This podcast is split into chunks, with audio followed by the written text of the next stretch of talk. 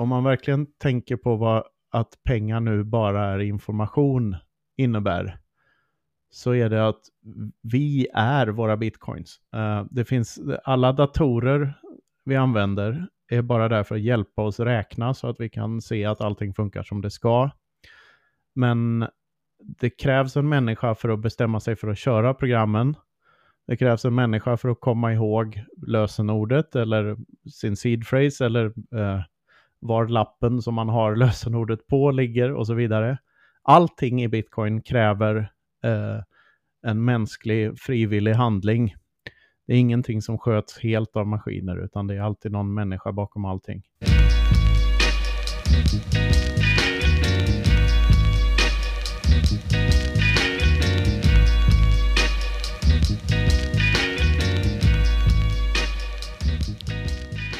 Dag er jeg så utrolig heldig å ha med en av verdens mest anerkjente forfattere og filosof i bitcoinsamfunnet.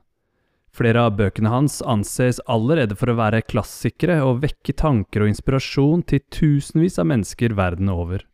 Blant disse finner vi bøkene Bitcoin, Sovereignty Through Mathematics og Everything Divided by 21 Million. Sistnevnte bok startet som en enkel meme og slo ned i verdens raskest voksende kultur som en radioaktiv bombes kjedereaksjon. Hans siste bok heter Praxeology – The Invisible Hand That Feeds You. Sjekk den ut. Mannen har ingeniørbakgrunn, jobbet i lang tid som seiler og kaptein offshore, er en utdanner, en ettertraktet foredragsholder, gitarist i verdens mest desentraliserte rockeband Satoshi Rockamoto og sitter i styret i organisasjonen Free Madeira. En organisasjon som rådgir regjeringen og politikere på Madeira til hvordan på best mulig måte bygge et samfunn på en bitcoin-standard, og samtidig bli et foregangsland for andre på vei inn i fremtidens digitale økonomi. Dagens gjest er en mann med mange hatter, fra nasjonen som ga oss Ikea, Pippi og kjøttbullar, en granne fra nabolandet. Velkommen till 21 tanker, Knut Svanholm. Hvordan är det med dig? Ja, tack så mycket. Det där var den finaste introduktion jag någonsin fått tror jag. Det var, ja, jag sitter här och rodnar. Eh, gud vad fint. Tack så mycket för det. jag startar ju alltid podcasten med ett enkelt spørsmål, och det jag lurer på då, Knut, vad är ditt första minne av pengar eller värde? Oj, det är, eh, det är en svår fråga. Jag, jag minns när jag var barn, så jag är uppvuxen på landet. Eh, eh, alltså söder om eh, sjön Vänern i Sverige. Eh, på Västgötaslätta som det heter där. Eh, och eh, där hade vi, när jag var liten så byggde vi en kiosk eh, som hette Knuttes kiosk. där jag sålde typ lemonad. Eh, så det är väl första gången som jag i alla fall fick känna på att tjäna pengar. Och givetvis så var det de, bara de få som bodde bredvid där, typ mormor och moster och sånt som kom och köpte saften. Men, men ändå, det var väl, det är nog första interaktionen. Eh, första gången jag har fått in pengar, alltså, och spendera dem är lättare. Jag minns en annan gång i vår sommarstuga på sydkosten när jag var liten. När vi, eh, då fanns det sådana här eh, tuggummin att köpa för 50 öre eh, som hette Shake och, och Chock och, och Jänka och sådär. Och så var det någon gång som eh, jag och min bror hade fått en, en hundralapp att gå och köpa sådana för. Vi skulle köpa 10-20 tuggummin. Men vi köpte för hela hundralappen och så skulle vi... hon i kiosken var asförbannad. Eller jag tror det var brorsan som skulle köpa dem och så ville han bara ha vissa sorter som fick sitta och då painstakingly peta ut rätt eh, tuggummin, 200 stycken ur den där eh, burken hon hade med tuggummin. Ja, den gången du fick eh, för pengar? Pengar. eh, jag, jag, fick, jo, det var 200 tuggummin för 100 kronor. uh, Hvor på veien var det at det endra seg for din del, Knut, det med penger, og det, og det, ble et fokus og et interesseområde for din del, og som til slutt førte deg til å finne bitcoin? Uh, ja, det är en bra fråga och det, det, är lite svårt. Det är så många, många saker som spelar in på samma gång där. Alltså, jag har alltid varit en frihetsälskare och gillat att kunna göra som jag själv vill och tyckt, politiskt tyckt att, att eh, så liten stat som möjligt är, är förmodligen det bästa. Eh, och, eh, men, men jag kände inte till libertarianism och narkokapitalism och sånt före för jag upptäckte Mises-institutet och de här österrikiska ekonomerna. Vilket jag inte gjorde fullt ut förrän efter jag upptäckte bitcoin kan man säga. Jag hade hört talas om det men visste inte vad det innebar. Att det fanns folk som faktiskt tyckte att ingen stat var den bästa lösningen. Uh, uh, men sen, uh, ja, det är runt där 14-15 kanske, som eh, 2014-2015 som jag började höra talas om bitcoin och ehm, börjar djuploda i det. 2016 gick jag en onlinekurs i digitala valutor eh, på i plural på universitetet i Nicosia på Cypern, där Andreas Antonopoulos var en av lärarna. Eh, och eh, så läste jag den kursen och fick eh, bra betyg och därmed ett stipendium för att läsa den fulla mastersprogrammet till rabatterat pris. Men så tittade jag på det där och så liksom, ja, men det kostar ju ändå rätt mycket här. Jag kanske köper lite bitcoin istället och bara väntar och ser vad som händer. Det verkar vara ett vettigare beslut än att gå en mastersutbildning och belåna sig mer. Jag hade redan min sjökaptensutbildning också, så att gå i skolan en gång till kändes lite dumt. Uh, men uh, uh, sen efter ett tag då när jag hade läst den där kursen så tänkte jag, vad, vad ska jag med alla de här kunskaperna jag har samlat in till och alla tankar jag har? Och så var det under en tid då jag jobbade på um, små crew transfer vessels med, som körde ut eh, eh vindkraftverkstekniker till vindkraftverk i Nordsjön och eh, Östersjön. Eh, som eh, just då hade jag ett gig som var ganska tråkigt. Alltså vi körde ut de här eh, eh, vinginspektörer på morgonen och så gick de upp i den här eh, vindmöllan och började eh, inspektera vingen. Uh, och sen kom de inte ner förrän på eftermiddagen sen, så det hade typ åtta timmar att slå ihjäl i en liten båt med taskig internetuppkoppling. Och liksom första halvtimmen, timmen gick åt åt att göra alla andra arbetsuppgifter man hade. och Det gick ganska fort, speciellt när man fick in rutinen på det. Uh, så efter det så satt jag och så, min kollega var en dansk matros som inte sa mycket och satt och sov i sin stol hela dagen. Eh, men jag med diverse, åtminstone inbillade bokstavskombinationer kunde inte liksom sitta still där och blev ganska trött på mina telefonspel efter ett tag. Så då bestämde jag mig för att börja skriva artiklar om, eh, om bitcoin. Och så på den banan, det är så det började för mig med uh, författarskapet, eller vad man ska kalla det för. Mm, mm. Jag är ju en stor fan, eller som jag hörde du säga i en annan podcast, Windmill, uh, av, av dina böcker. Ja, det... ja, ett stort fan av vindkraft. Eller vad? I'm not a big fan, sa vindkraftverket till draken. Men eh, jag måste ju säga att du verkligen har kommit med massa originalitet och intressanta och spännande tankar till bitcoin-spacet. Um, och så har du ju startat med att skriva om bitcoin. Och så är den sista boken din inte om bitcoin utelukkende, da. Den handlar ju om praxeologi. Så jeg, så jeg, har lyst til å egentlig kanskje spørre deg, for å starte med mm. det siste først, da. Um, har du en relativt kort måte å forklare eller oppsummere hva praksiologi går ut på, før vi hopper inn i bitcoin, da? Det, det blir ju väldigt relevant för temat. Ja, det är alltså läran om mänskligt handlande. Uh, och uh, det kan förklara mycket som händer i en ekonomi väldigt mycket. Och det kan också förklara vad man kan och framförallt inte kan eh, veta om ekonomi. Eh, och, och, det här, för, för mig så var det här en ögonöppnare rikt ingen annan. Alltså, när jag gick i skolan så gillade jag matematik och fysik och sådana här ämnen som, som eh, var hands-on och eh, inte gick att säga emot. Utan antingen så fattar man eller så fattar man inte. Medan jag avskydde allting som hade med samhällskunskap att göra, för det kändes mer som åsikter än som eh, faktiska fakta. Liksom. Eh, och när jag upptäckte praxeologi så fattade jag att det, det, finns faktiskt ett sätt att tänka på som, som kan eh, eh, göra vad matematik gör för det objektiva kan praxeologi göra för det subjektiva. Man kan med vissa Eh, med så här first principles-tänk och eh, att utgå ifrån vissa axiom. Det heter a priori eh, tänkande. Eh, alltså a priori vetenskap är sånt som man kan resonera sig fram till. A posteriori är sånt man kan, eh, man, man, behöver observera och göra empirisk research för att, för att komma fram till sina teorier.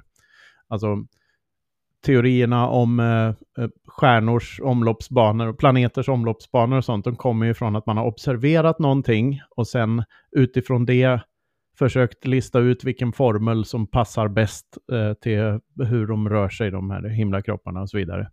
Eh, Medan eh, i, i matematik och i praxeologi så behöver man inte göra någon empirisk research efteråt, utan man kan liksom man definierar vad två betyder genom att säga att ett plus ett är två. Alltså, det, det, det går att resonera sig fram till allting. Eh, och inom mänskligt handlande så kan man dra vissa slutsatser av det. Eh, om, ja, det är ju då ihoplänkat med ekonomi. För eh, ekonomi är i grund och botten inget annat än människor som agerar på ett visst sätt för att uppnå vissa resultat. Uh, man pratar om means and ends i praxeologi. Och man kan till exempel säga att uh, om, om man inför en minimilön någonstans i världen så kommer samma antal människor eller färre vara anställda totalt efter man har infört den. Det kan aldrig bli fler än anställda på grund av en minimilön. Och det här är alltså bara logiskt tänkande. Om det blir dyrare att anställa folk så kommer det anställas färre folk. Alltså, det går inte riktigt att säga emot. Och man kan dra väldigt många sådana, eh, hitta väldigt många sådana sanningar eh, som, som inte går att säga emot utan att eh, säga emot sig själv. Eh, och eh, ja, om man snöar in på det här ämnet så får man en annan syn på världen och, och varför den är som den är och varför politiker lovar saker de inte kan hålla och så vidare. Mm. Så jag, jag, tycker det är sjukt intressant i alla fall mm. och rekommenderar alla att göra en liten djupdykning i det. Ja, ja absolut. Alla borde checka ut boka, superintressant. För vi fortsätter in i bitcoin så lurar jag lite på vad du tänker om, eller var det, var det vanligt folk eller genomsnittet inte förstår är problemet med fiatpengar? Jag tror man inte, det, det, absolut största grundproblemet är att folk inte förstår var inflation kommer ifrån. Och att inflation är direkt korrelerar med eh, penningamängden. Och att, att, att eh, skapa, eh, att utöka penningamängden är ett brott eh, mot all etik man kan tänka sig. Alltså det är någon som har en rätt rättighet att uh, förfalska pengar, kan man säga. Och um, hela världen verkar ta det som en naturlag att pengar har inflation. Men uh, det behöver det inte ha, vilket bitcoin har poängterat för världen att vi kan ha pengar utan inflation och det funkar det också. Det funkar till och med väldigt mycket bättre. Mm. Hvordan, ja, och det, det, bara, bara snack Ja, jag tror det är det absolut största missuppfattningen folk har av hur världen funkar och vad, vad som behövs. Alltså vi itutade att vi behöver en viss inflation för att ekonomin ska få fart. Eh, vilket är korkat. för det man inte räknar in då är, är att folk då eh, prioriterar konsumentvaror framför mer lång... Alltså de prioriterar eh, konsumtionsvaror före mer långsiktiga saker. Prioriterar eh, kvantitet före kvalitet. Um, och då får vi en värld med uh, container efter container med plastskit ifrån Kina istället för uh, en värld där vi får det Sixtinska kapellet och så vidare. Uh, mm. så, så jag tror lite mer kvalitet över kvantitet hade varit bra för världen. Mm. Jag är enig. Um, jag lurer lite på, för det syns jag är väldigt spännande Knut, detta med praxeologi och spillteori hvordan det er med på å drive bitcoin frem. Der syns jeg at du har vært Og hva for teori? Spillteori. Spelteori. Mm. Mm. Hva, hva er dine tanker om bitcoin og videre utvikling hvis du legger spillteori til grunn? Ja, det, det där är rätt luriga saker. För spelteori har ingenting med ekonomi att göra egentligen, vilket praxeologin kan visa. Däremot så är ju spelteorin eh, en grund för att bitcoin ska funka. Alltså, man förmodar att folk kommer agera i sitt eh, i ekonomiskt självintresse. Eh, det, det, är en av grundförutsättningarna för att det här ska funka, att folk inte kastar bort pengar i onödan. Uh, och det, kan, det, vet man inte om det är en rätt eller fel antagelse. Det kan vara fel, alltså just nu, nu ser vi ju, uh, eller ja, för några veckor sedan såg vi folk kasta bort väldigt mycket pengar på så här ordinals och inscriptions och annat spam i blockkedjan. Uh, och visst, har man tillgång till en sedelpress så kanske det går att göra en attack som uh, bitcoin-nätverket går på. Det är en attackvektor i alla fall att räkna med. Men eh, ja, spelteori är, är jätteintressant och framförallt så tycker jag det är intressant att se hur spelteorin förändras eh, efter hur många gånger man spelar ett spel, speciellt då Prisoners Dilemma typ scenarion. Det, att om man spelar Prisoners Dilemma en gång så tjänar man på att försöka lura motståndaren, men spelar man det om och om igen så ju, ju, fler gånger man spelar det i rad, desto mindre tjänar man på att försöka luras och desto mer tjänar man på att vara eh, ärlig och eh, rättfärdig så att man ger tillbaks med samma mynt ifall man blir utsatt för någonting.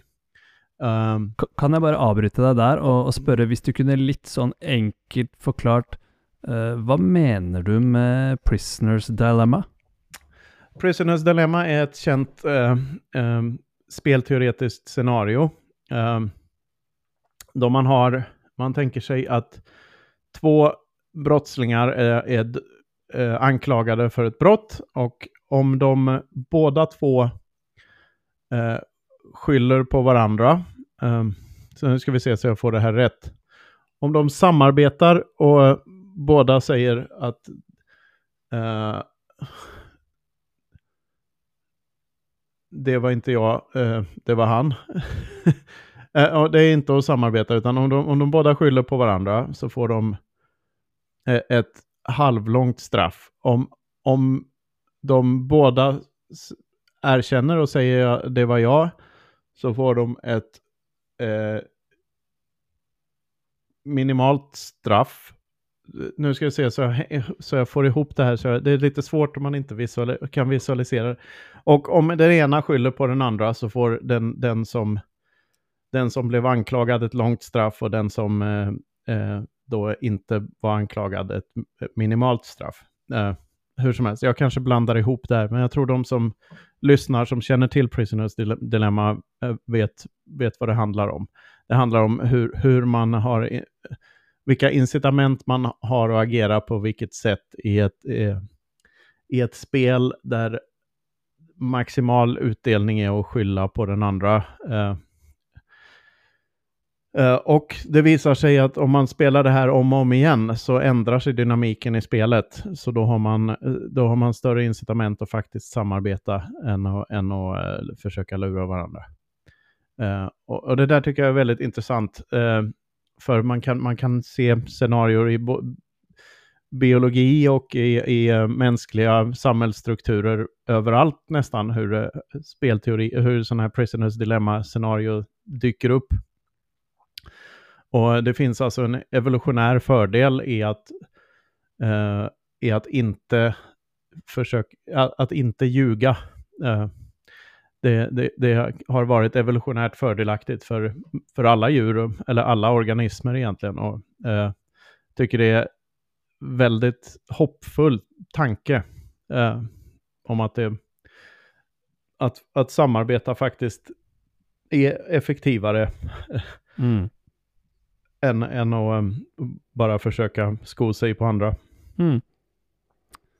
Eh, jeg, jeg syns jo det er ganske relevant og interessant det du sier. Og, og, vi kan vel nesten se litt på det med Brexit inntog og bitcoin også i mitt hode at uh, eh, her begynner dette med spillteori og prisoners dilemma litt å utspille seg, da. Det vil jo, det vil jo være nødvendig for kanskje si Vesten å gjøre et mottrekk mot BRICS hvis de går sammen og bypasser Swift og alt som amerikansk økonomi har sanksjonert og stoppa. Så, ja. så, dette her er for meg veldig relevant til akkurat det du sier, da. Ja, man ska säga bitcoin i jämförelse med de här, med både dollarn och BRICS-länderna och alla andra, och alla shitcoins för den delen, eh, alla andra shitcoins, det, det är ju en, man kan säga att det är något prisoners dilemma, men det, det, jag skulle kategorisera det som något annat typ av spelteoretiskt e-, experiment. Alltså du har ett system som är beneficial, alltså som är bra för alla som hakar på det. Uh, och det är väldigt svårt att förneka att bitcoin är bra för alla som förstår det och hakar på det. Och uh, för, för det mesta så betyder det att man måste ha lite is i magen och kunna hålla i sina bitcoin i fem eller tio år för att det faktiskt ska ge utdelning. Men eh, eh, historiskt sett i alla fall så har det varit bättre och för de allra flesta att inte trada utan bara sitta och trycka på sina bitcoins. Och sen kanske när de har gått upp eh, hundra gånger i värde att man börjar spendera lite grann här och var så att man får liksom lite fart på den här ekonomin. Uh, men jag tror det är väldigt svårt svårt att förneka att ett system som inte har eh, stöld inbakat i sin grundtanke eh, skulle vara sämre än ett Eh, än ett system som bygger på stöld. Alltså jag tror inte folk förstår riktigt hur, hur illa det är med de klassiska fiat-valutorna. För i och med att de har inflation inbakat i sig så, så bygger hela systemet på någon form av oärlighet. Alltså när man, när man handlar med en 10 eurosedel eller, eller en norsk eller svensk hundralapp så gör man, de allra flesta gör det i tron att den där hundralappen ska vara värd lika mycket nästa gång de försöker byta den för en annan vara. Men det är inte sant, den blir värd lite mindre hela tiden. Uh, och någon, någon, en viss samhällsklass tjänar väldigt mycket pengar på att sitta nära sedelpressen. Det är lite enkelt förklarat det här, alltså pengar kommer till via lån och så vidare, men i grund och botten så är det någon som har eh, eh, rätt att trycka upp nya pengar och det är de absolut mest utsatta i samhället som får betala för det hela tiden. Eh, så det är väldigt, väldigt illa. Eh, de som tjänar på det är de som har tillgångar. Om man äger ett hus, och speciellt om man inte har några lån på huset, Um, eller ja, det ska jag inte säga heller, för lånet går ju ner i värde också, så uh, sättet att vinna Fiat är ju att ta stora lån och köpa assets, uh, köpa tillgångar som håller sitt värde över tid, medan lånen man tar förlorar i värde över tid. Uh, och om man bara tänker lite längre på det så inser man att det där systemet är inte hållbart. Eh, det, det, gör att allting annat än pengar får ersätta pengar som värdehållare över tid. Eh, det är därför vi ser huspriser gå upp över tid och aktiemarknaden gå upp för evigt. Det, eh, någonstans slutar det fungera. Och då är det bra om man har en livbåt. Mm. Hva opplever du er den mest effektive måten å forklare folk det med inflasjon? Jeg, jeg, husker jo Jeg husker ikke hvilken podkast jeg hørte deg fortelle dette med tid og det å drepe sin egen tid, og egentlig sette inflasjon i det mm. å, å tape tid. Hvordan syns du det er enklest å forklare no-coiners og de som ikke er så veldig interessert, eh, dette med inflasjon? Mm. Ja, det, det är väldigt det, alltså det är olika för olika personer hela tiden. Så det beror ju alltid på vem man pratar med. Men, men att ställa de här enkla, enkla frågor, basala frågor som uh, om nu inflation kan, uh, kan motverka fattigdom. Varför har man inte 100% inflation? Varför inte bara trycka upp dubbelt så mycket pengar? Alltså hur, hur kan nya papperslappar tillföra värde i samhället? Så, så en enkel fråga. Eller ja, eh, och det, det gäller inte bara när man förklarar pengar, utan man kan förklara andra grejer som eh, jag älskar ju frågan varför betalar folk i offentlig sektor skatt överhuvudtaget? Varför? Om det nu är staten som betalar dem, varför betalar de tillbaks till staten? Och, eh, och det, det, finns ingen annan förklaring än att det är för att hålla uppe fasaden, att det faktiskt är något annat än en kostnad. eh, och, och jag älskar sådana där enkla, enkla frågor. Eh, som varför betalar vi skatt om någon kan trycka upp pengar? Eller varför trycks det upp pengar om vi betalar skatt? Varför ska staten ha mer tillgångar än vad de faktiskt kan få ifrån sin befolkning? Varför ska våra barn betala saker och ting? Eh, det är jättekonstigt. Eh, så, ja, så enkla frågor som möjligt och försök få ett vettigt svar. Eh, jag har inte hört några vettiga svar. Det enda jag hör är den här eh, Keynes-teorin om eh, att pengars hastighet skulle ha någon betydelse. Men jag tycker den utelämnar väldigt, väldigt mycket. Mm. Mm. Ja. Du har ju, du har ju kommit upp med en av de allra största memesene i bitcoin-spacet. Everything divided by 21 million. Allt delt på 21 miljoner bitcoin. Det er, jo, det er jo en del som er ferske til bitcoin og ikke helt forstår bitcoin, som hører på denne podkasten. Hva betyr det uttrykket eller den memen, Knut?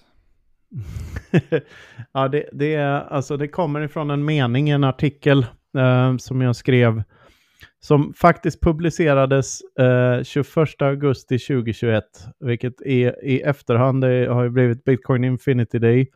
Och, men jag hade ingen aning om det. I, i Hodlonauts, det här, eh, ett norskt fanzine då för Bitcoin som heter Citadel 21.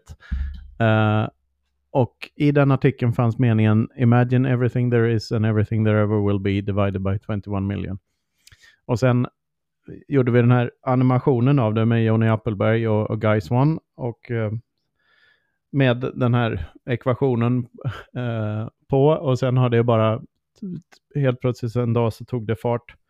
Det blev retweetat av en massa jättestora namn och sen helt plötsligt nu har jag en folder med en subfolder i med tatueringar från världen över med folk som har tatuerat in ekvationen. Mm. Så, um, och, och det, den är ju alltså, för, för, som jag ser det så, så är det här en, eh, ett sätt att påminna folk om att det inte finns någon teoretisk toppvärdering för bitcoin, utan det kan alltid bli värt mer. Um, det är det den påminner om. Det. Sen är värde subjektivt och det är tillgång och efterfrågan styr allt, så att det är inte så att den kommer vara sann i morgon dag. För vissa är den redan sann, för sådana som har bestämt sig för att inte sälja sina bitcoin för något pris överhuvudtaget. Uh, men det, det, är alltså en liten reminder om att uh, det här kan gå hur långt som helst och förändra världen hur mycket som helst.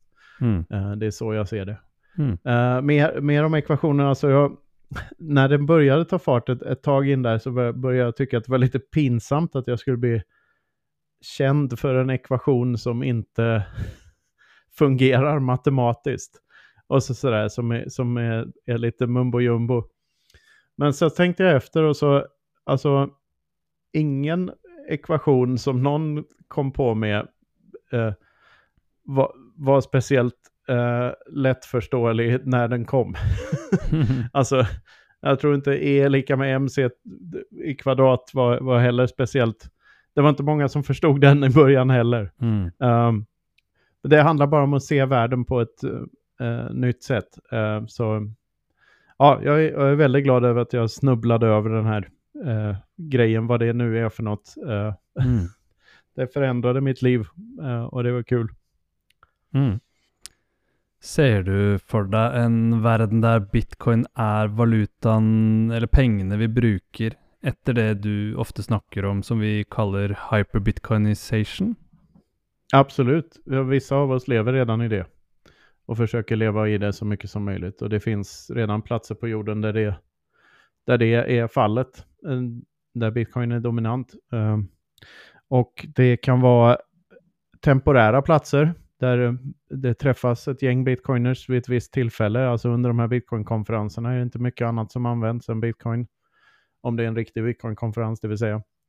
Uh, så, uh, så jag ser det verkligen framför mig att eh, det, det händer någon gång.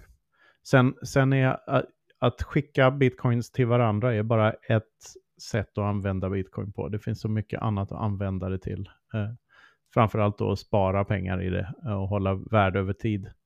Uh, men även fler saker. Jag tycker folks, eh, det är bara folks fantasi som sätter gränserna för hur vi kan skala upp det här till en större nivå. Eh, bitcoiners är, har alla ett incitament att vara hjälpsamma mot varandra och, och hjälpa varandra med varor och tjänster. Och byteshandel är vanligt mellan bitcoiners. Eh, och att man bara gör något värdefullt för, sin, för andra bara för att man vet att bitcoin blir en succé om eh, bitcoiners... Eh, eh bitcoin blir framgångsrikt om bitcoiners blir framgångsrika och vice versa. Så vi jobbar alla mot samma mål och vi har alla samma incitament att, att hjälpa varandra. Eh, och samtidigt då en längre tidsperspektiv generellt för att vi har den här eh, saken som blir värd mer och mer eh, ju längre tiden går. Vilket betyder Eh, ja, om man har träffat andra bitcoiners så vet man att eh, det här är det här är det bästa som kan hända en människa, att upptäcka den här och upptäcka hur, hur kraftfullt det är med att få sina incitament förändrade. Mm. Ja. Du, du får ju fort kastet uttrycket nyfrälst och religiös då, efter det när du pratar om bitcoin på den måten där. Den har i hvert fall jeg mm. opplevd mange ganger, så det är ju liksom... Vilket, vilket är lustigt, för jag, jag skrev i första boken, andra kapitlet i den heter Financial Atheism, alltså finansiell ateism. Uh, för jag ser ju bitcoin som den enda valutan som inte kräver uh, tro på någon högre makt, utan där allting är verifierbart. Mm. Så uh, så jag tycker att det, eh, alltså fiatvalutor är mycket mer likt en religiös sekt än vad bitcoin är. Eh, och jag ser mig själv som en som har tagit mig ur en sekt snarare än, än en som har uh, gått med i en sekt. Mm. Uh, sen är det många bitcoiner som inte håller med om det. Uh, men men det, jag gillar ändå att, att tillföra det perspektivet, för jag tror många glömmer det. Och sen visst, jag förstår att jag låter som en väckelsepräst ibland. uh, men uh, som jag ser det så är det alltså att ta sig ur uh, en sekt snarare än att gå med igen. Mm. Føler du att du lever i en bitcoin-ekonomi, eller? Klarar du personligen det? Alltså, i vilken utsträckning jag lever på och med bitcoin? Ja, egentligen. Lever du, för du, du sa många lever ju hyperbitcoinization. Klarar du att praktisera ja. det? Mm. Ja, det, det, finns ju folk som lever mycket mer hyperbitcoinizat än vad jag gör.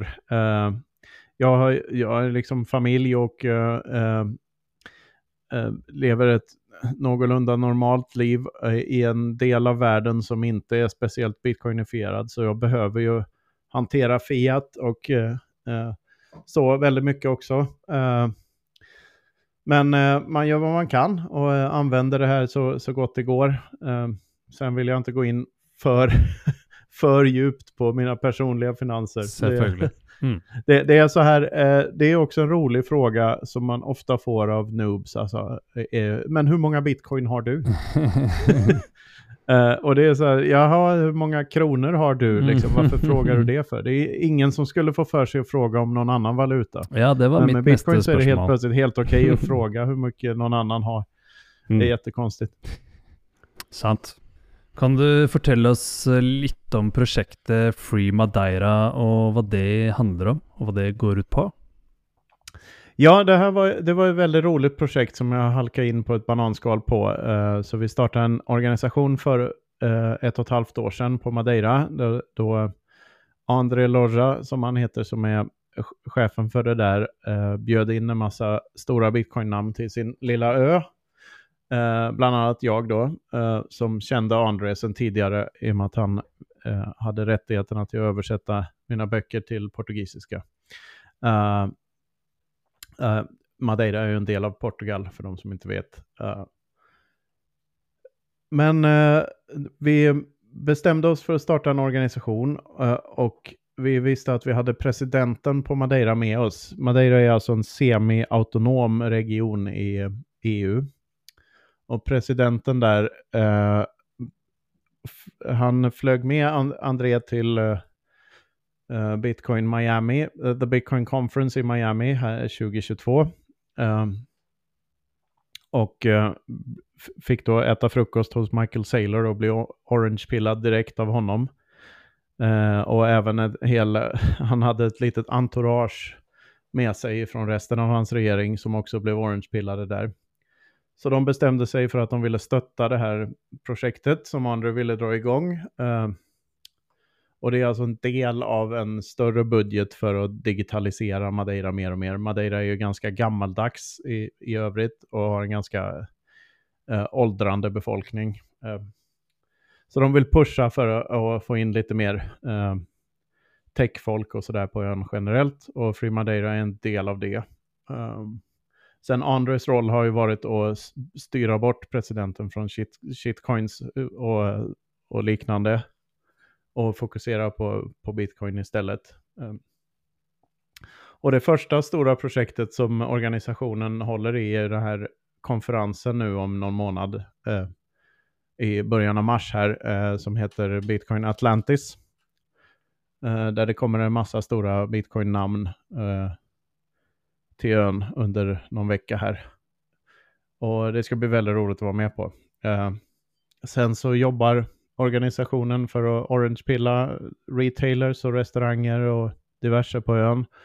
Eh, Madeira har en väldigt stor diaspora, alltså en, en stor madeiriansk befolkning utanför Madeira. Bland annat i Venezuela finns det massor med folk med madeirianskt påbrå. Eh, och tanken är att sätta upp samarbete med diverse andra bitcoin-regioner i världen också. Och eh, få dit lite ATMs och, och ja, utbilda folk på ön och så vidare. Um, och det är en non-profit organisation som uh, är tänkt att då uh, vara självförsörjande efterhand här och uh, den här konferensen ska kickstarta det på något sätt då. Mm, mm. Kan dere kan dere allerede se noe ökning i ekonomisk aktivitet genom bitcoin i Madeira?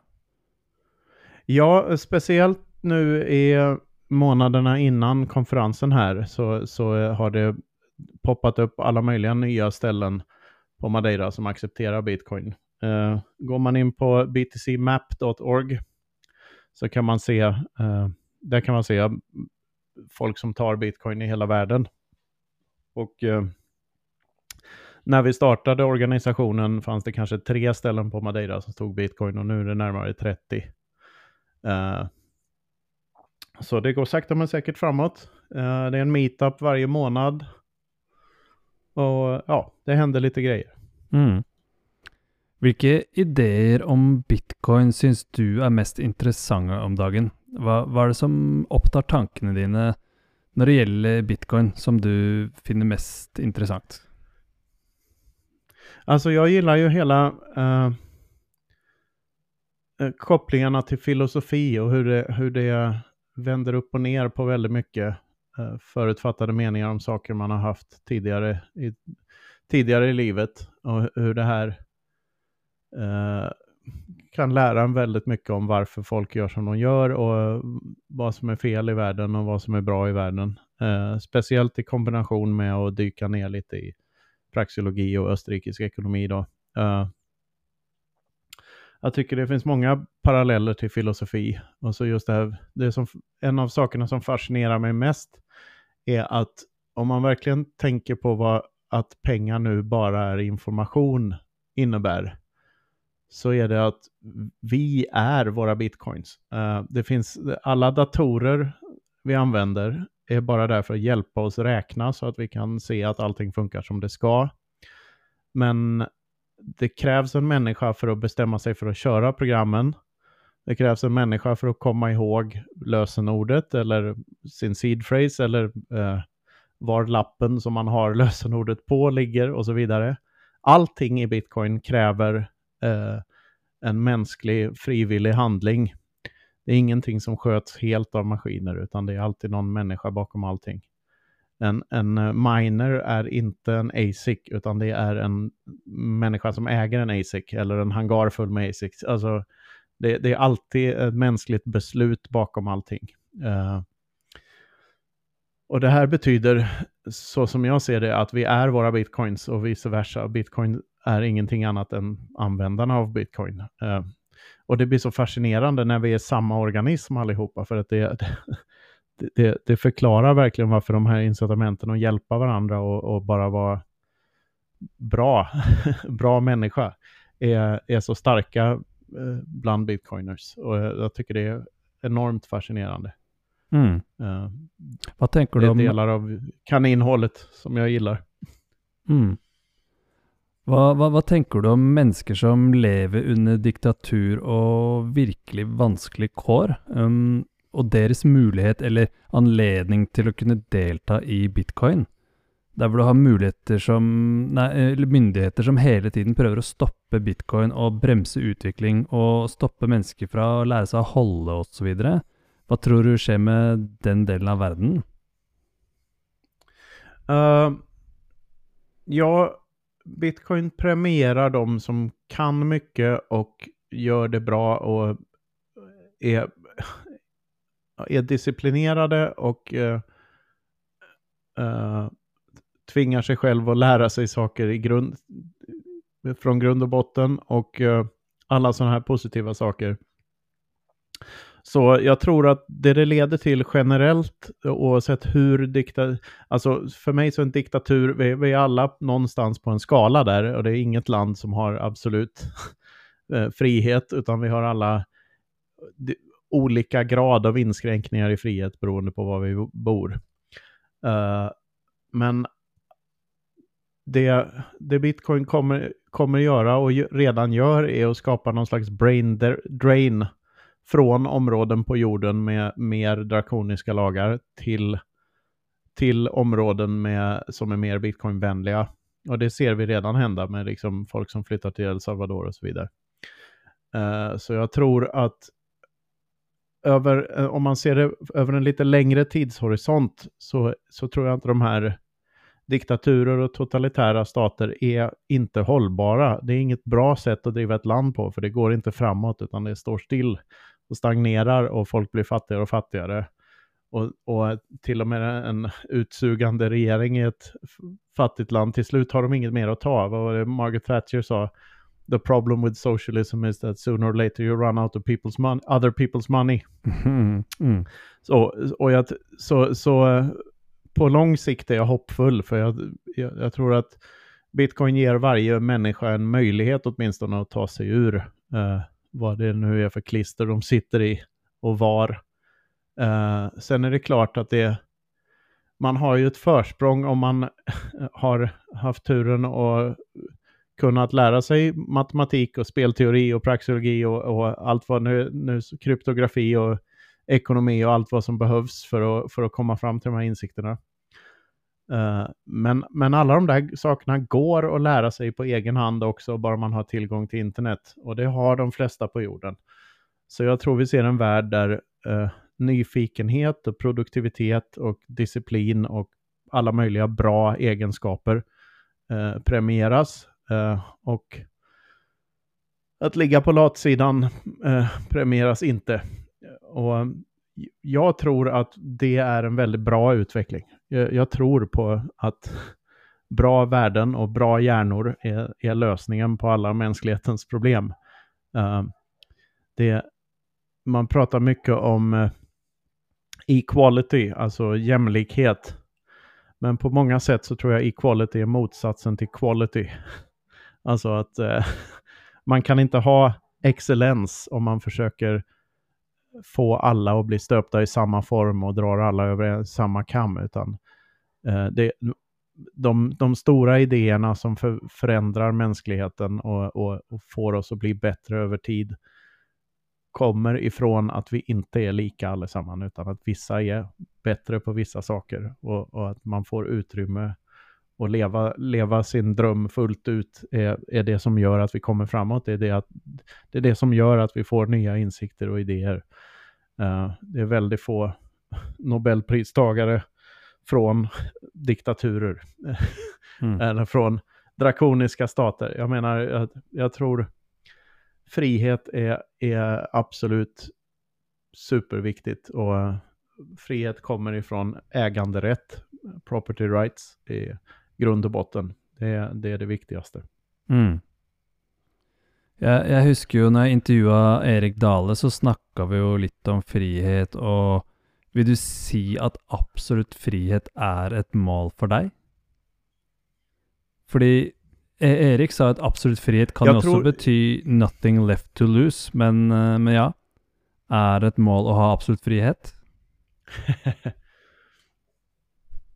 ja, så, så, mycket som möjligt och alltid sträva efter mer frihet skulle jag säga. Jag tror absolut frihet är en illusion. Alltså, eh, och det, det här är, går också att ta till praxeologi. Eh, Mises pratar om ett scenario där vi är i himmelriket så, så att allting finns, alla varor och tjänster finns abundant och gratis till alla så kommer det fortfarande finnas intressekonflikter för vi kan inte två stycken ta upp samma plats på samma gång. Vi kan inte vara vid samma... Det, det finns alltid begränsningar. Naturen gör så att saker är begränsade. Uh, tid och rum är begränsat och uh, det sätter i, i, i sig stopp för våra friheter. Vi kan inte göra vad vi vill. Uh, man kan inte eh, supa sig full och äta snabbmat hela resten av livet även om man vill, för då dör man i förtid. Så man måste välja vad man vill med sitt liv. och det finns alltid trade-offs. Uh, sen, rent politiskt filosofiskt så skulle jag, så, så hoppas jag att så många som möjligt strävar efter en värld där så lite stöld som möjligt eh, försiggår. Alltså att folk respekterar varandras eh, egendomar till så stor utsträckning som möjligt. Och då, då, finns det inget utrymme för skatt eller inflation i slutändan. Alltså det, det, just, oavsett hur låg skattesatsen är eller hur lite inflation det är, så tror jag alltid att man gör gott i att kämpa för ännu mindre. Eh, även om man aldrig kommer till noll, så, så, tror jag att det det hållet är alltid bättre att sträva åt än, än det andra. Mm. Du är ju född och uppvuxen i Sverige, Knut. Um, har du ja. mye kontakt med familie og venner i Sverige? Og, og, følger du mye med på den økonomiske situasjonen i Sverige? Og hvordan holdninger myndigheter har til bitcoin og utviklingen og vad som sker da, generellt i Sverige? Ja, jag följer med. Alltså, vi har inte bott i Spanien jättelänge. Det är väl snart tre år vi har bott här. Men eh, Uh, och, och, jag följer inte med spansk politik överhuvudtaget, det intresserar mig inte. Uh, så, och jag följer med lite vad som händer i Sverige på håll. Jag tycker att svensk politik är bra som dokusåpa, eller vad man ska kalla det för. det, det, det, är någon kom komedi-tv liksom. Men, ja, det, vad ska man säga? Och kontakt med familj och vänner har jag ju mycket. Sen har kanske inte de alla gånger samma idéer som jag har och vissa, vissa um, undviker man att prata politik med överhuvudtaget för man vet att det leder inte till något, något bra. Uh, men uh, vad ska man säga? Det, jag har sett, alltså svenska kronan har tappat 40% mot euron på, uh, på, på tio år. Uh, och euron har tappat mot dollarn och dollarn i sig tappar. Jag tycker det är, är en fars alltihop egentligen. Uh, när man ser det för vad det är. Mm. är, det, är och folk det... pratar om en massa bullshit. Ja. Mm. Är Medelsvensson klar över att Sverige har en av de dyktigaste författarna i bitcoin-space i hela världen, tror du? det har ju mycket att vara stolt av. Uh, oj, oj. Det låter jag vara osagt. nå, nå, er ikke jeg noe ekspert på det svenske bitcoin-miljøet, da, men jeg, jeg, håper jo virkelig de også får opp øynene og ørene for litteraturen du har produsert og tankene du kommer med. Mm.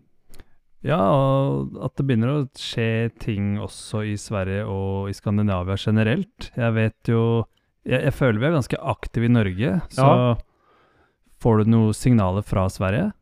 Ja, alltså nu finns det ju ett renodlat bitcoin-community. Det fanns det inte 2017, utan då var det eh, shitcoiners i hela bunten. Jag tror, och, men, men ändå så, just nu så tycker jag att det norska communityt och det finska communityt är mycket, mycket bättre än det svenska. Danmark finns det lite också. Eh, det är också bättre än det svenska, men det norska och det finska är de som verkligen hörs och ses. eh, eh på internet. Um, så det är lite synd. Um, samtidigt som jag har personligen ingen, ingen längtan åt att bli någon slags kändis i Sverige. Det tror jag är bara jobbigt. Uh, jag har inga sådana ambitioner överhuvudtaget. Uh, det, jag, jag, är- jag är glad för att jag är uppskattad i bitcoinvärlden, men, men att att få mer uppmärksamhet än, än det jag redan har fått, det, det är jag inte så intresserad av. Det, det är mest jobbigt. Så Ja. ingen forespørsel fra Riksbanken til å holde foredrag eh, ennå? Mm, nej, helst inte. Och, ja, det kan någon annan få göra. Eh, jag har andra saker för mig att hatta runt på, eh, flyga runt på fåniga konferenser och, och eh, tweeta dad jokes. Eh, det tar upp mycket av min tid. Du, du får meg jo litt til å tenke på det, mm, det vi ofte Det, det stempelet vi får som toxic bitcoin maxis. Um, hva tenker du om det? Er det en positiv ting? Eh, er det en æresbetegnelse for deg, eller er det, er det bare negativt? Jag tycker hela, hela ordet Bitcoin Maxi är väldigt talande för att man inte har förstått vad det här handlar om. Eh, för det, det enda Bitcoin är, är ett sätt att få någonting på internet att inte vara möjligt att kopiera. Så okopierbarhet, eller vad man kallar det för. Och alla kopior av okopierbarhet är per definition kopierbara i och med att det är en kopia av okopierbarhet. Det går inte.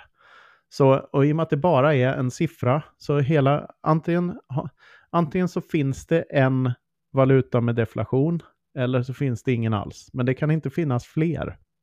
För då är det inte deflation längre. Eller då är det inte begränsad mängd. Jag ska inte säga deflation, utan jag ska säga absolut begränsad mängd. Någonting i matematik med absolut begränsad mängd Eh, om det kan existera överhuvudtaget så kan det bara existera en gång. Och, och, och hela ordet Bitcoin Maxi skvallrar om att man inte har förstått vad det här är för någonting. Det här är det enda som är viktigt, att det inte går att kopiera. Att data går alltid att kopiera. Det är bara ettor och nollor. och när vi tolkar data som människor så gör vi om det till information kan man säga. Det, man kan säga att det är det som är skillnaden på information och data. Information är hur vi tolkar det. Och en satoshi är nästan ett steg ännu längre. Eh, det är alltså någonting som vi intersubjektivt tolkar som någonting som har värde.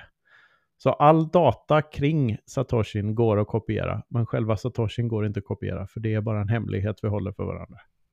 Eh, så en Satoshi är mer än bara data. Eh, en JPEG på blockkedjan är inte mer än bara data. En annan token på blockkedjan är inte heller något annat än bara data. Det går att kopiera hur många gånger som helst. Men en Satoshi går inte att kopiera. Och, och det är det som är hela poängen. Uh, och jag tror det finns en enorm missuppfattning om, om just det. Om, om hur, hur annorlunda en Satoshi är mot anna, annan data. Alltså en Satoshi existerar inte i protokollet ens. Det finns inget, ordet Satoshi finns inte.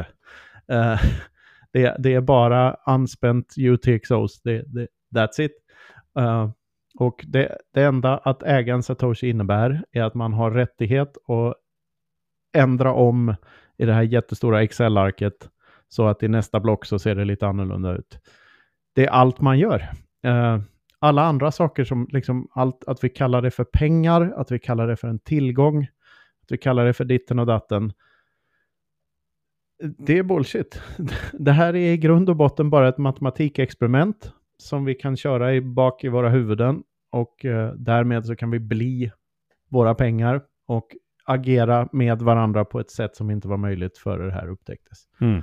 Eh, ja, och jag tror det är fortfarande enormt tidigt i och med att det här, de flesta har bara inte, liksom det kräver en väldig deep dive för att, för att fatta hur, hur stor den här uppfinningen är. Att det, det är liksom, för mig så är det lika osannolikt som att en tidsmaskin kan finnas, att det här kan finnas egentligen. För det är så enormt häftigt. jag vet, en, en av de första magiska internetpengarupplevelsen jag hade var när de började bli värda lite så skrev jag ut sådana här paper wallets som var populärt att göra för några år sedan. Och så de kommer med en publik nyckel och en eh, privat nyckel och även som QR-kod. Så då, då skannade jag in den publika nyckeln och så la jag den här papperslappen i ett kuvert och förseglade kuvertet. Och sen skickade jag in pengar i kuvertet. och det som slog mig när jag gjorde det första gången var jag skickade in, jag, jag gjorde just ett papper i ett kuvert värdefullt. Alltså värt mycket mer än sedlarna jag har i min plånbok. Uh, så jag kan alltså, jag kan alltså teleportera värde igenom, och det, det, finns inget som stoppar mig från att göra samma sak med ett papper som ligger i ett bankvalv. Jag kan te teleportera in värde i bankvalvet utifrån bankvalvet. Och det, det här är helt absurt när man tänker på det på det sättet. Det är så här, hur fan kan det ens vara möjligt? Men det är det. Och, det, det finns nu och vi antingen lever man med det eller så ignorerar man det och låtsas som att det inte finns. Bla, bla, bla, bla. Och så går man och lever sitt liv. Mm. Och, och, bara missar det största som har hänt. Mm, mm. Det, det, får meg til å tenke på bitcoin som en konstant som også da gjør økonomisk verdimåling riktig, da. Nå, nå har vi en absolutt konstant, og ja. det, vil, det, vil, fungere veldig godt til å verdsette eller prise alle andre ting, da. Ja, jag, jag älskar det här för att det här är det, det skumma här är att alla andra konstanter i universum som pi eller E eller någon sån här naturliga logaritmen eller whatever det nu är. De, de har vi varit tvungna att upptäcka och mäta oss till vad de egentligen är för någonting. Det var ingen som bestämde att de skulle vara på ett visst sätt. Men, och, och det betyder att i världen runt omkring oss så är kartan är aldrig territoriet. Utan alla våra, alla våra eh, ekvationer och alla våra sätt att tolka, all vår vetenskap, eh, all vår empiriska kunskap är sätt att tolka världen på. Men det, det, det är inte universum, det är modeller av universum. Det, det, är alltså kartan. Och kartan är inte territoriet. Men i bitcoin är det tvärtom. Där definierar kartan vad territoriet är för något. Så vi har alltså hittat en, en av universums konstanter genom att skapa den och sen bestämma att det här är vad, vad, vad som än kommer ut av det här experimentet blir territoriet. Så i bitcoin är det tvärtom.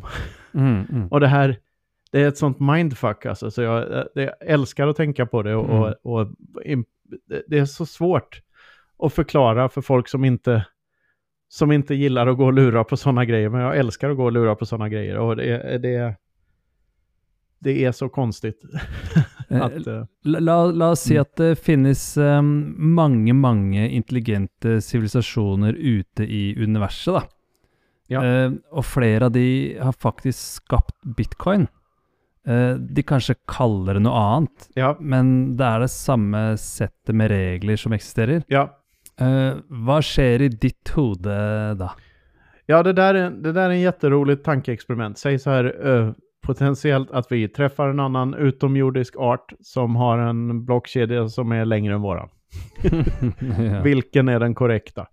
Uh, och uh, jag tycker det är enkelt, det är bara att låta den fria marknaden bestämma vilken, vilken peng som är värd mest. Mm. Alltså, uh, sen, sen är det också både osannolikt och på ett sätt sannolikt att de har hittat något liknande.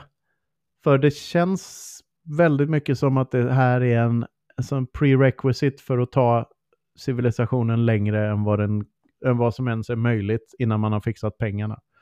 Alltså det, det, kräv, det känns som att det krävs en monetär konstant innan man kan komma till Kardashev level 2 och så vidare. Uh, mm. Men ja, det får framtiden utvisa. Det, det ja, kan vi spekulera i hur mycket vi vill, men det får vi nog inte se under våra livstider. Tror du, tror du vi är i mål? Tror du bitcoin är perfekta pengar eller tror du det vill kunna perfektioneras ännu mer i framtiden? Mitt, mitt uh, favoritsvar på den frågan är, är Tomer Strawlight, som, eh, en eh, kär vän, som sa eh, eh, eh, Bitcoin never needed to be perfect. It only needed to be good enough to last forever.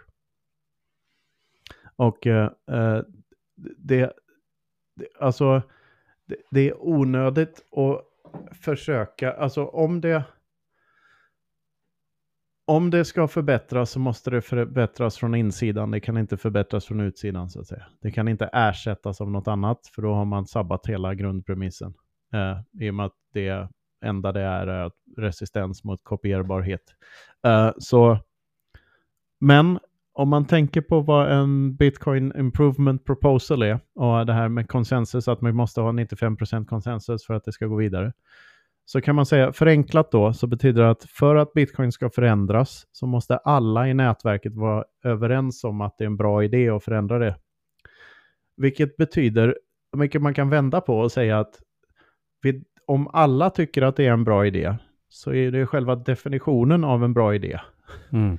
Så vi kan säga att vi definierar vad som var en bra idé efter vad som hände i bitcoin. Så, så det kan bara bli bättre. Det är liksom förprogrammerat för att bara kunna bli uppgraderas till det bättre. Mm. Sen visst, människor är inte perfekta och den här, det finns kontroverser. Det finns eh, liksom, Taproot kanske skulle ha introducerats på ett annat sätt för folk kanske var lite för överentusiastiska. Uh, men jag vet inte, över tid, vi får väl se om det funkar eller inte funkar bettet är fortfarande binärt. Eh, antingen så vinner bitcoin och tar över allt, eller så funkar det inte alls och då funkar inget annat heller. Och, och då är vi fucked. Så det är lika bra att satsa på vi är inte fucked-kortet, tänker jag. Ja. ja. det är väl eh, absolut något av det viktigaste man bör lära sig nu och, och fokusera mycket på. Um, Da passer det egentlig å spørre hva er dine råd til unge mennesker som ikke har begynt å og ikke er fanget i Fiat-verden ennå? Hva, hva bør de prioritere, og hva vil du si er viktig for alle de unge? Börja acceptera bitcoin för dina varor och tjänster. Och värdera om din tid. Sälj dig inte för billigt. Det är mina råd. Mm. Accepte acceptera bitcoin för dina varor och tjänster. Alla, alla människor är värdefulla. Och ju längre man har levt och ju, ju mer unik man är i sina skillsets, desto mer värdefull blir man. Och man ska inte underskatta sin egen värdefullhet, utan se till att få betalt för resultat och se till att ta betalt i bitcoin. Uh, trada inte bort din tid eh, för billigt. För all tid du spenderar på ett 8-5 jobb eh, och, och, göra saker och jobba för någon annan med saker som du inte vill göra är tid som är förlorad som du kunde haft till att jobba med vad du ville jobba med. Och eh, ju tidigare man tar det steget desto bättre tror jag. Uh, och se till att acceptera åtminstone en del av lönen du får för mödan i bitcoin. Uh, det blir bättre för alla, mm. speciellt för dig själv. Mm. Och spara, spara i bitcoin. Mm. 10% till dig själv, alltid. Minst. Som en avslutning här Knut, så jeg husker at det var en journalist som spurte Michael Saylor, og, og da har jeg lyst til å bare stjele det spørsmålet. Hvilket svar vil du gjerne v- gi, men på et spørsmål som du aldri fikk? Vilket svar jag vill ge på en fråga som jag aldrig blir ställd? Är det det som är, om jag tolkar norskan rätt här? Mm, ja. Eh, och vad, vad hade det med Michael Saylor att göra sa du? Det var bare det at jeg stjal det spørsmålet fra han som uh, intervjua Michael Saylor. jeg syns det var et godt spørsmål. Ja, ja, ja, okej, okej. Eh, vad är frågan som jag gärna vill besvara som jag aldrig blir ställd?